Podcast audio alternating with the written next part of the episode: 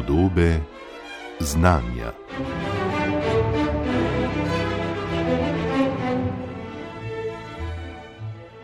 Uporaba spleta, razcvet nepregledne množice spletnih in mobilnih orodij za najrazličnejše storitve je v temelju spremenila načine, kako komuniciramo, kako se lotevamo celega spektra dejavnosti, od iskanja informacij, načrtovanja, nakupovanja do dela in preživljanja prostega časa. Spremenila je načine, kako in koliko pravzaprav pomnimo, ter kako si ustvarjamo sliko o dogajanju v svetu, v katerem živimo. Učinek uporabe digitalnih orodij je danes izreden in izredno kompleksen obenem. Splet tako v pomembni meri določa smer in tempo cele vrste pomembnih družbenih sprememb in jih utegne v prihodnje le še bolj. Kje so potencialno najbolj nevralgične točke današnje interakcije med posamezniki, sodobnimi informacijskimi orodji in družbo kot celoto, bomo preverjali v tokratnih podobah znanja, ko je naš gost, družboslovni informatik, profesor dr. Gregor Petrič z Fakultete za družbene vede Univerze v Ljubljani. Dr. Gregor Petrič, lep pozdrav. Lepo pozdravljeni. Med pojavi, ki jih lahko zelo jasno povežemo z ustrojem in vplivom sodobnih komunikacijskih platform, so brez dvoma tudi tako imenovani mnenjski mehurčki in posledična vse ostrejša polarizacija mnen, ki smo jih danes priča tako rekoč na vseh področjih. Je to pojav, ki ga lahko dejansko pripišemo prav načinom delovanja na družbenih platformah, digitalnim orodjem, ali je splet predvsem potenciral oziroma celo le izpostavil nekaj, kar je bilo že vse čas v družbi prisotno? Ja, to uh, izogibanje kognitivni disonanci je v bistvu neka splošna posameznikova lastnost, ki jo je Festinger nekako konceptualiziral že eh, nekje sred 60-ih let prejšnjega stoletja. Torej, ne gre čist za novo zadevo. Ne. Ta, to izogibanje kognitivni disonanci pomeni, ne, da mislim, gre za neko neusklajenost med vedeni in prepričanji, ki povzroča neko tenzijo, ne, ki se jo želimo znebiti. Ne. Če, na primer, ne vem, redno pijem alkohol, se bom bolj verjetno izogibal informacijam, ki dokazujejo škodljivost pitja alkohola, in se bom verjetno, vem, bom verjetno raje ustrajal pri prepričanju, ne, da je alkohol neka relativno neškodljiva zadeva, ker naprimer sprošča eh, napetost.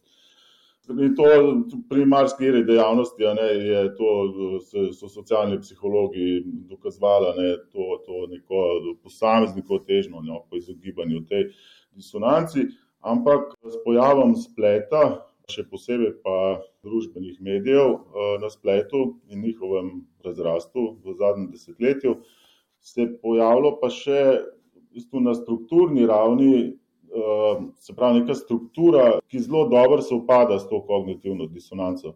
Bom prav biti malo bolj sistematičen, eh, govorimo o, o dveh pojavih. Ehm, na eni strani imamo tako imenovane filtrirane mehurčke, kjer gre za to strukturno tehnološko raven, eh, se pravi, tukaj gre za eh, algoritme, za umetno inteligenco, personalizacijo, se pravi, stvari, ki jih tehnologija omogoča in forsira. In ti algoritmi v bistvu skrbijo, ne, da dobimo informacije, ki nas zanimajo, ki so v skladu z našimi željami, prepričanji in tako naprej. Ali pa v bolj poslovnem jeziku, informacije, na katere bomo verjetno kliknili. Ne. Torej, na drugi strani se pa uporablja pojem odmevne sobe, kjer pa gre za ta bolj psihološki proces na naši strani, uporabnikovi strani, torej, da se težno, da se izogibamo kognitivni disonanci pa tudi mehanizme selektivne izpostavljenosti, ne, kar pomeni, ne, da sami nekako izbiramo vire, ki so malo bolj v skladu z našimi prepričanji. Se pravi, na spletu gre potem za ta nek dvojni mehanizem počvrščevanja ali ojačevanja lastnih eh, stališč in prepričanj, ki pa potem na agregatni ravni vod pa v neke te številne mehurčke, med katerimi sploh ni več eh, preseka in na družbeni ravni ne, lahko potem pač to pomeni, ne, ali neka nezmožnost skupnega bivanja, fragmentacijo diskurzov, tudi izgubo moči in avtonomije, ne na zadnje, ne, in neko zapiranje pač tudi majhne prostore, kot so pač neke ne zaprte spletne skupnosti. Ne. Ja, za splet se zdi, da je še prav posebej značilno, ne, da se te spletne skupnosti oblikujejo prav zaradi nekih specifičnih interesov, medtem ko recimo razdalje in še kaj drugega ni pomembno. Kaj pravzaprav nam dinamika, kakršno lahko zaznamo v teh spletnih skupnostih, pove pravzaprav, kaj je tukaj na delu novega, glede na to, kakšne so pravzaprav razlike, glede na to, kar poznamo iz realnega življenja, ko smo med seboj v neposrednem stiku, kje so torej tiste ključne razlike, ki tukaj pridejo tako zelo do izraza in imajo, se zdi, tudi vse večji vpliv nekako. Ja, spletne skupnosti so sigurno en tak zelo zanimiv teren raziskovanja, s katerim se ukvarjam v bistvu že od začetka svoje akademske poti, no, zanimanje sega pa še bolj nazaj, v bistvu še v čas tako imenovanih BBS-ov na srednjih šolah, ki so bili kot neki prvi te asinhroni konferenčni sistemi, kjer je bila v spredju, je bila bolj, meni je bilo zanimivo, ker je bila v spredju bolj diskusija, ne pa posameznika, ne, njegov status, njegova podoba, spol in tako naprej, ne. Spletne skupnosti so en zelo kompleksen pojav, ki je doživel potem en zelo bogat razvoj, ne, že tam od devetdesetih naprej, pri čemer osnutki segajo v bistvu že v sedemdeseta leta, že takoj po pojavu Arpaneta in s tem interneta so se pojavile že prve te elektronski seznami. skratka, izjemen razvoj pa tudi izjemna diverzificiranost, ne. Zdaj na eni strani v družbenih medijih jaz nerad govorim kot o o spletnih skupnostih, ne, če te razumemo kot neke relativno stabilne vzorce tesno povezanih posameznikov z nekimi skupnimi interesi, pa ponavadi spletne skupnosti imajo tudi neko, recimo temu, upravljalsko strukturo, neka nenapisana pravila, neke norme in tako naprej.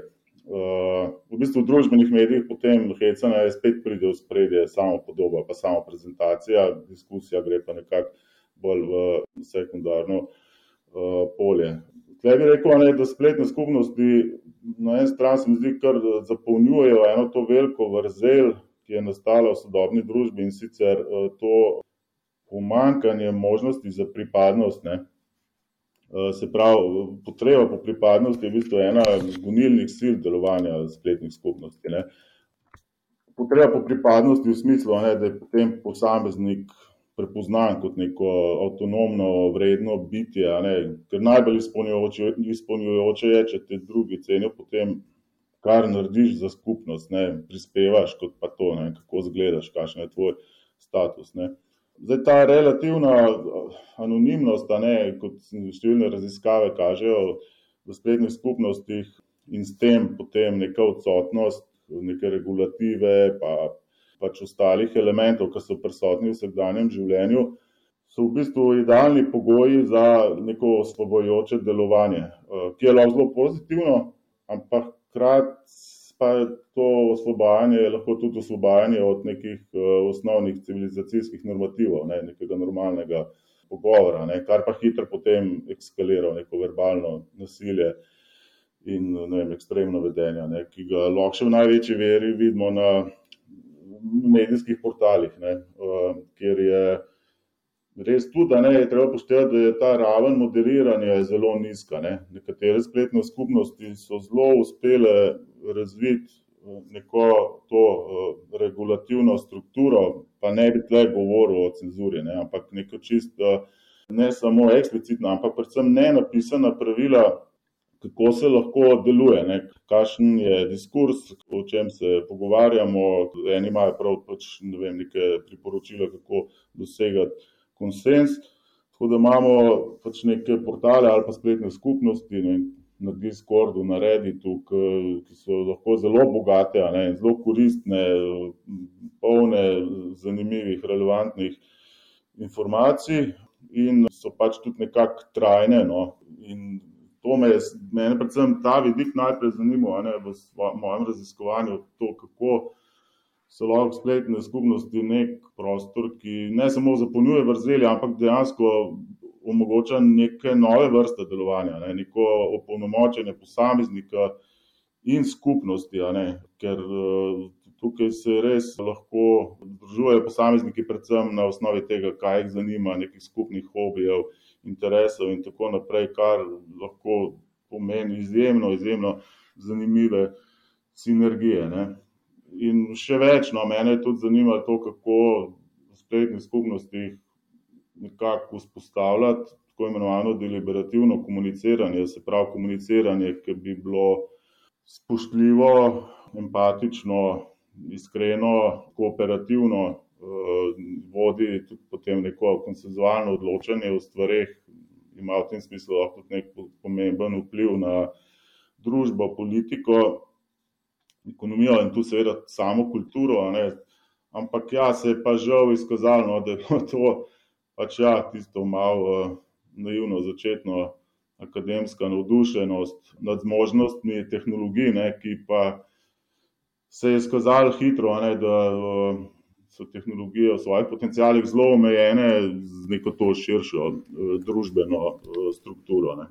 Kaj pa je ta torej, širša družbena struktura, ki ste jo ravno kar omenili, profesor dr. Gregor Petrič, ki zdaj tukaj očitno igra tako zelo pomembno vlogo, zraven pa pravzaprav se zdi, da vendarle z uporabo teh novih orodjih se nekoliko spreminjajo pravila komuniciranja, izpostavljanja vsebin in drugega.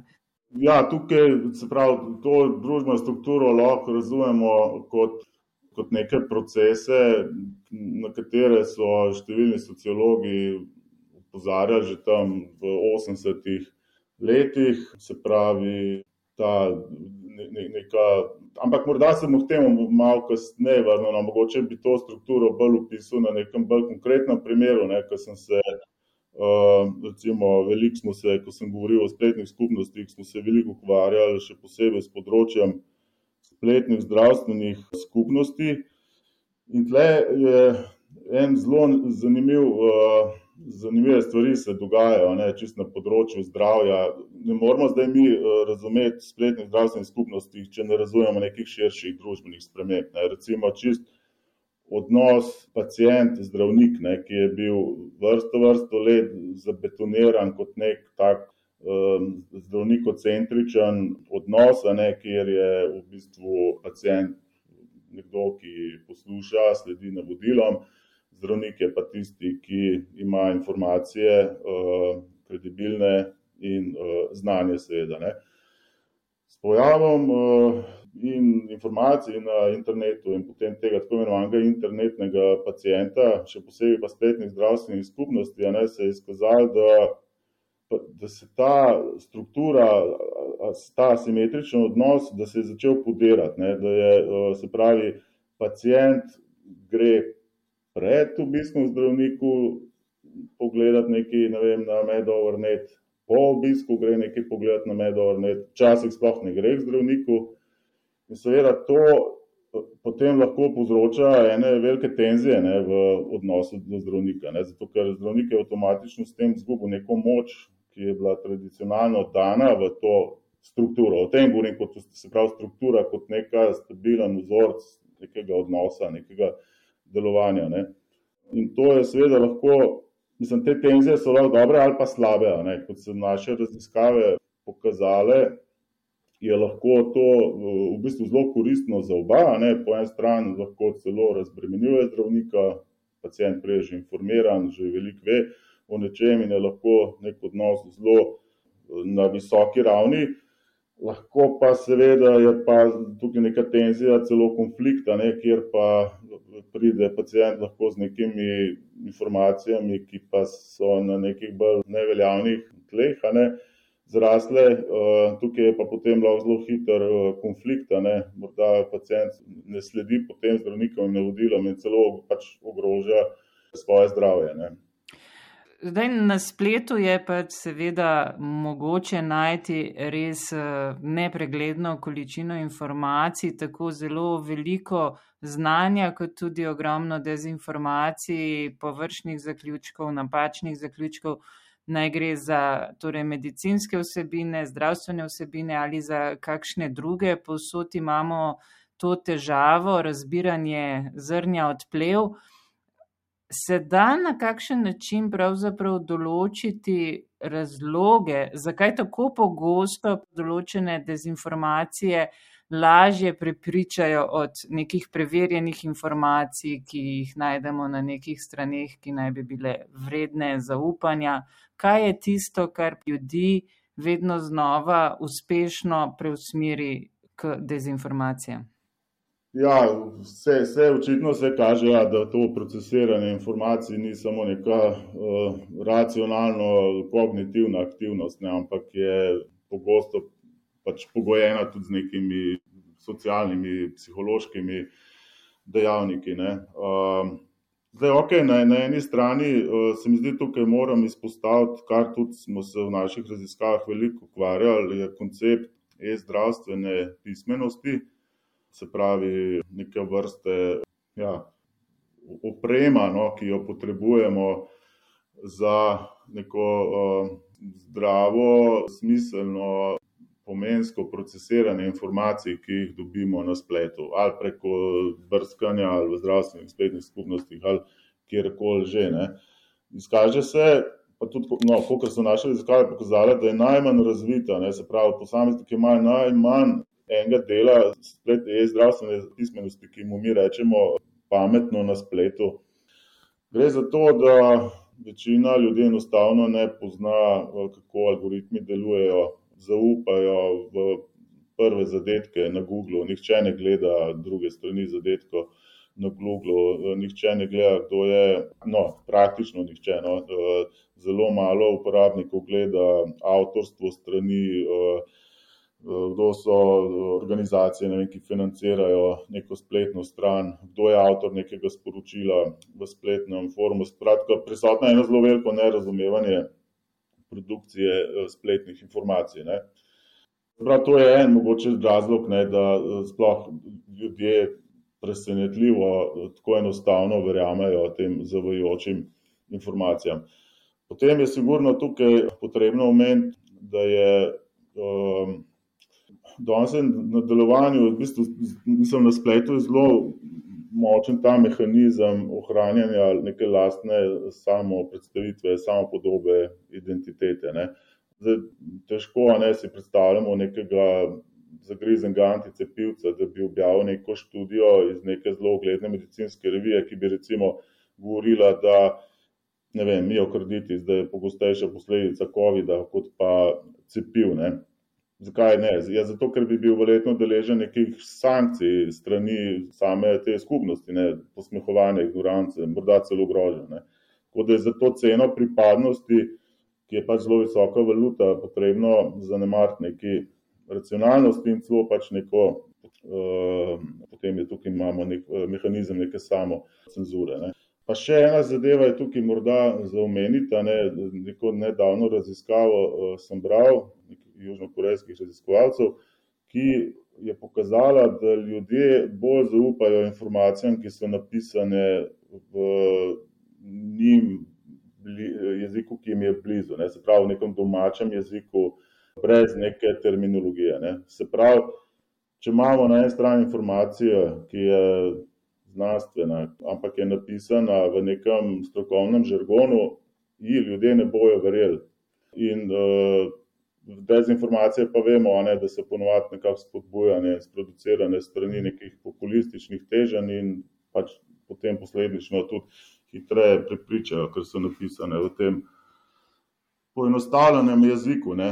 Vemo pa predvsem v, recimo, v, v strokovnem in znanstvenem diskurzu so detajli zelo pogosto, mislim, hudiče v podrobnostih, no, bi jaz rekel. Ne tukaj veliko krat ne smemo se zatekati v neka poenostavljanja. Stvari niso črno-bele, realnost je izjemno kompleksna. Obstaja pač tisoče perspektiv na resnico, ene bolj veljavne, druge manj veljavne, ampak enostavno, pač, ko, ko enkrat informacijo predstavimo na ta način, ljudje njej manj zaupajo, ker enostavno ni napisana v komunikacijskem žargonu, ki bi bil njim blizu. Ne. In tukaj je še eno, še eno vrsto raziskav morda za omeniti, no, ki pa kažejo torej, da um, če so informacije producirali ljudje, ki, ki, ki so mi blizu, ali pa da jim celo pripadam, da imam neke občutke pripadnosti z njimi, bom pred, jim bom precej bolj verjetno zaupal in verjel, kot pa informacijam, ki so napisane strani nekega kredibilnega uh, vira. Uh, skratka, tukaj se govori o nekem benevolentnem zaupanju, ne? torej zaupanju, ki temelji na pripadnosti, ne pa na nekih objektivnih kriterijih tega, kaj je kredibilna informacija. Ne? In se mi zdi, da predvsem zaradi tega imamo potem na spletu velik problem, ne enostavno, da če so po domače rečeno naši, jim bom zaupal. Ne? Če pa so neki drugi ljudje, ne, s katerimi nimam nobene neke socioemotivne vezi, jim pa ne bomo zaupali, in tudi informacije, ki jih producirajo, bodo bolj verjetno neveljavne. Ampak, če se še malo pomudiva tukaj pri teh, torej, povsem medicinskih dezinformacijah, imamo vendarle tudi kar nekaj torej dezinformacij, ki pravzaprav se sklicujejo oziroma izgledajo, kot da gre za poročanje o znanstvenih odkritjih. Ne? Se pravi, kot nekakšno uporabo, torej znanstveniki, ki pa jim pač uradna medicina, znanost ne pusti do besede ali dovolj do besede, so pa vendarle odkrili nekaj, kar gre torej naši liniji razmišljanja, kaj se tu dogaja, bolj na roko. Ne. To je še en, se zdi, sloj, ki pravzaprav zelo um, zakriva to um, razbiranje, katera informacija je zdaj dejansko preverjena in katera ne. Ja, tukaj verjetno bi potem, poleg tega, da bi morali biti opremljeni s to e-zdravstveno pismenostjo, bi morali biti opremljeni tudi tako imenovano znanstveno pismenostjo, ne, se pravi z razumevanjem tega, kako uh, znanstvene, znanstvene študije sploh nastajajo, kako se uh, publicirajo, kakšen je proces publiciranja, kako pač, uh, kakšne so statistične metode, ki so jih raziskovalci uporabili, na kakšnih vzorcih kakšne so verjetnosti nekih napak, ki so tukaj možne, se pravi, tudi neka statistična pismenost, ne, ki je žal, tudi, kot smo ugotavljali, dosti nizka in bi bila tudi nasploh potrebna v današnjem svetu, ker se zdi veliko krat, da Mislim, števila imajo ne, kar nek pridah objektivnosti. Ne. Nekdo navrže tam nek graf z nekimi stolpci, z nekimi odstotki, ampak veliko krat ni nobene informacije, odkje te številke. Ne.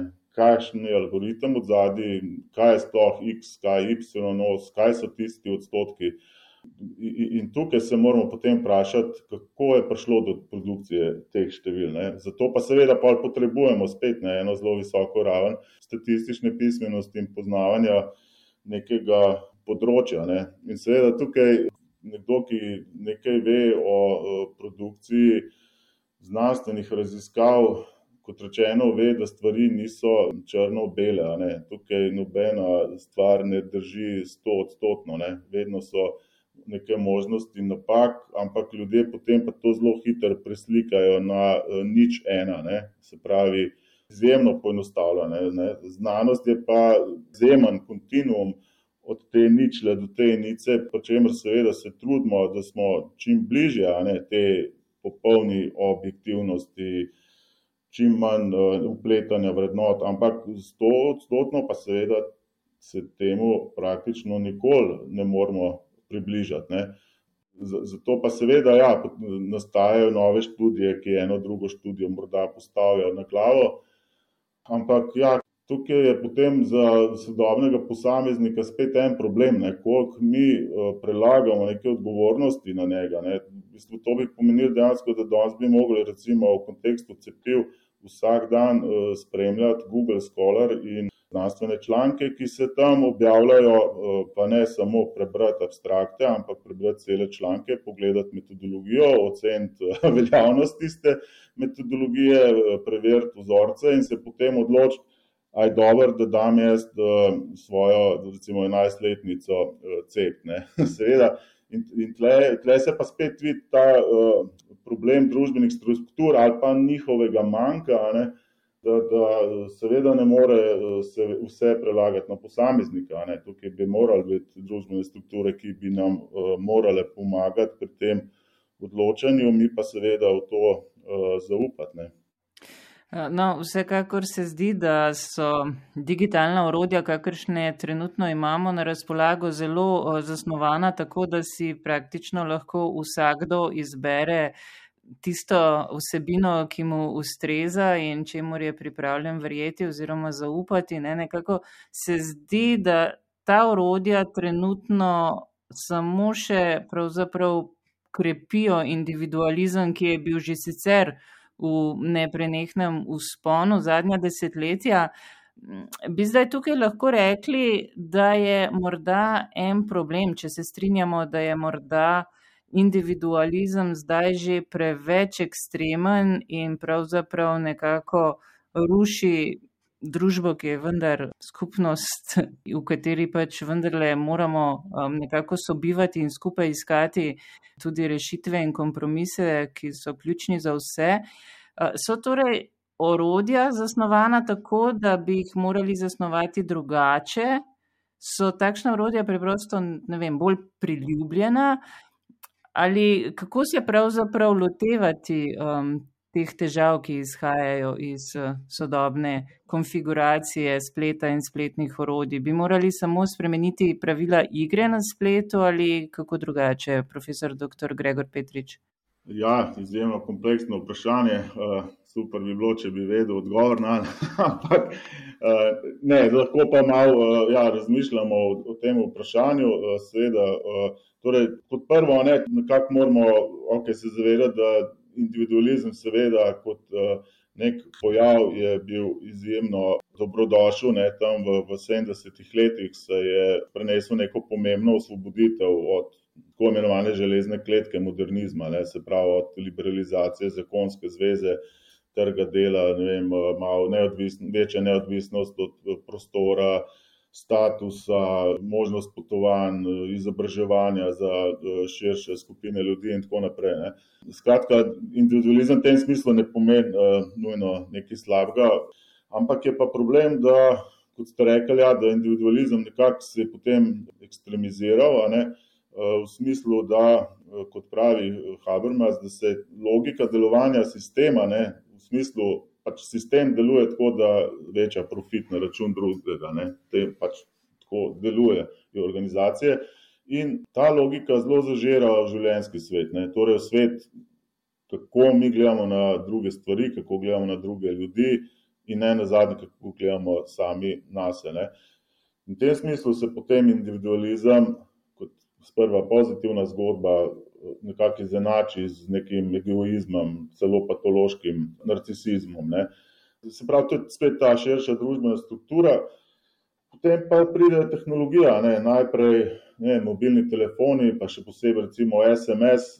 Je, ko sem pisal že 15 let nazaj, ne, je zelo lepo sede v to zgodbo, ker zelo lepo spodbuja neka to vrstna delovanja. Ne napišemo takrat, ko želimo, odgovorimo, ko nam paše, nek sestanek lahko odpovemo v zadnjem momentu, lahko si nekaj zelo na hitro zmislimo, prekrojimo resnico in ni v bistvu nobene te sankcije v pogovoru. Ne? Ker če se mi z nekom pogovarjamo, pa si nekaj izmišljujemo, že ta ton, glas nas lahko zelo hitro razkrije, ne? da, da, da nismo popolnoma iskreni, tako da že ta neka odsotnost nekega trenutnega takošnjega feedbacka ne, je potem res odprl prostor SMS-ju, ki so bili najprej mišljeni čist kot neko tehnična platforma, sploh ni bilo mišljeno za komuniciranje ljudi, ampak so jo ljudje pograbili na nekaj full pasov, res v to um, individualistično uh, zgodbo. Ne.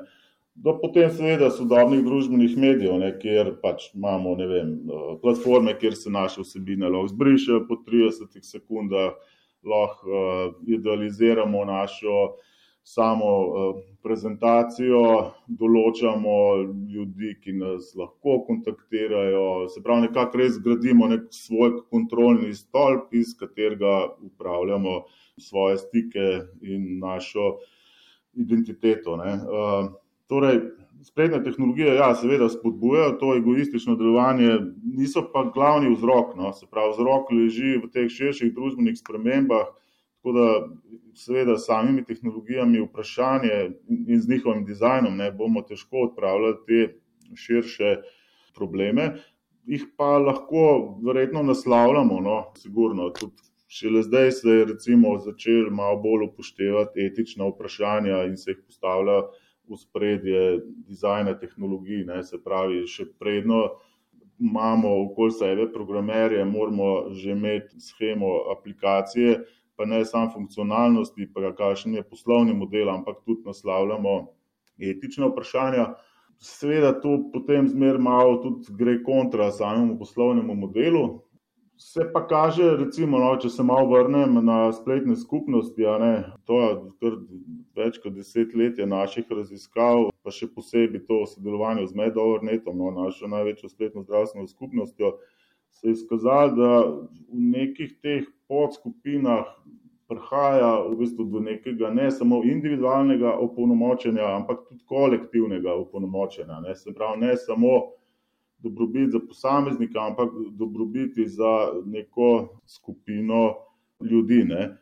Se pravi, očitno obstajajo neke možnosti za, za, za neko to malo bolj, jaz temu rekel, kolektivno odgovorno delovanje, ki gre preko uh, ciljev posameznika, ampak zdaj so pa doskrat te cilji, kot rečeno, v nasprotju s samimi uh, poslovnimi modeli no, teh uh, aplikacij in jih je zelo težko naslavljati. Ampak ja, morda pa v neki točki, tako kot recimo etična vprašanja niso naslavljala.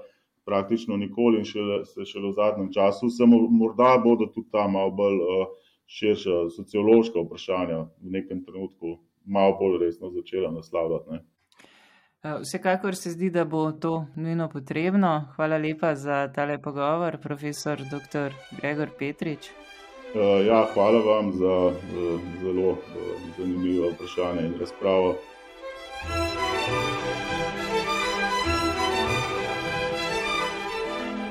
Podobe znanja.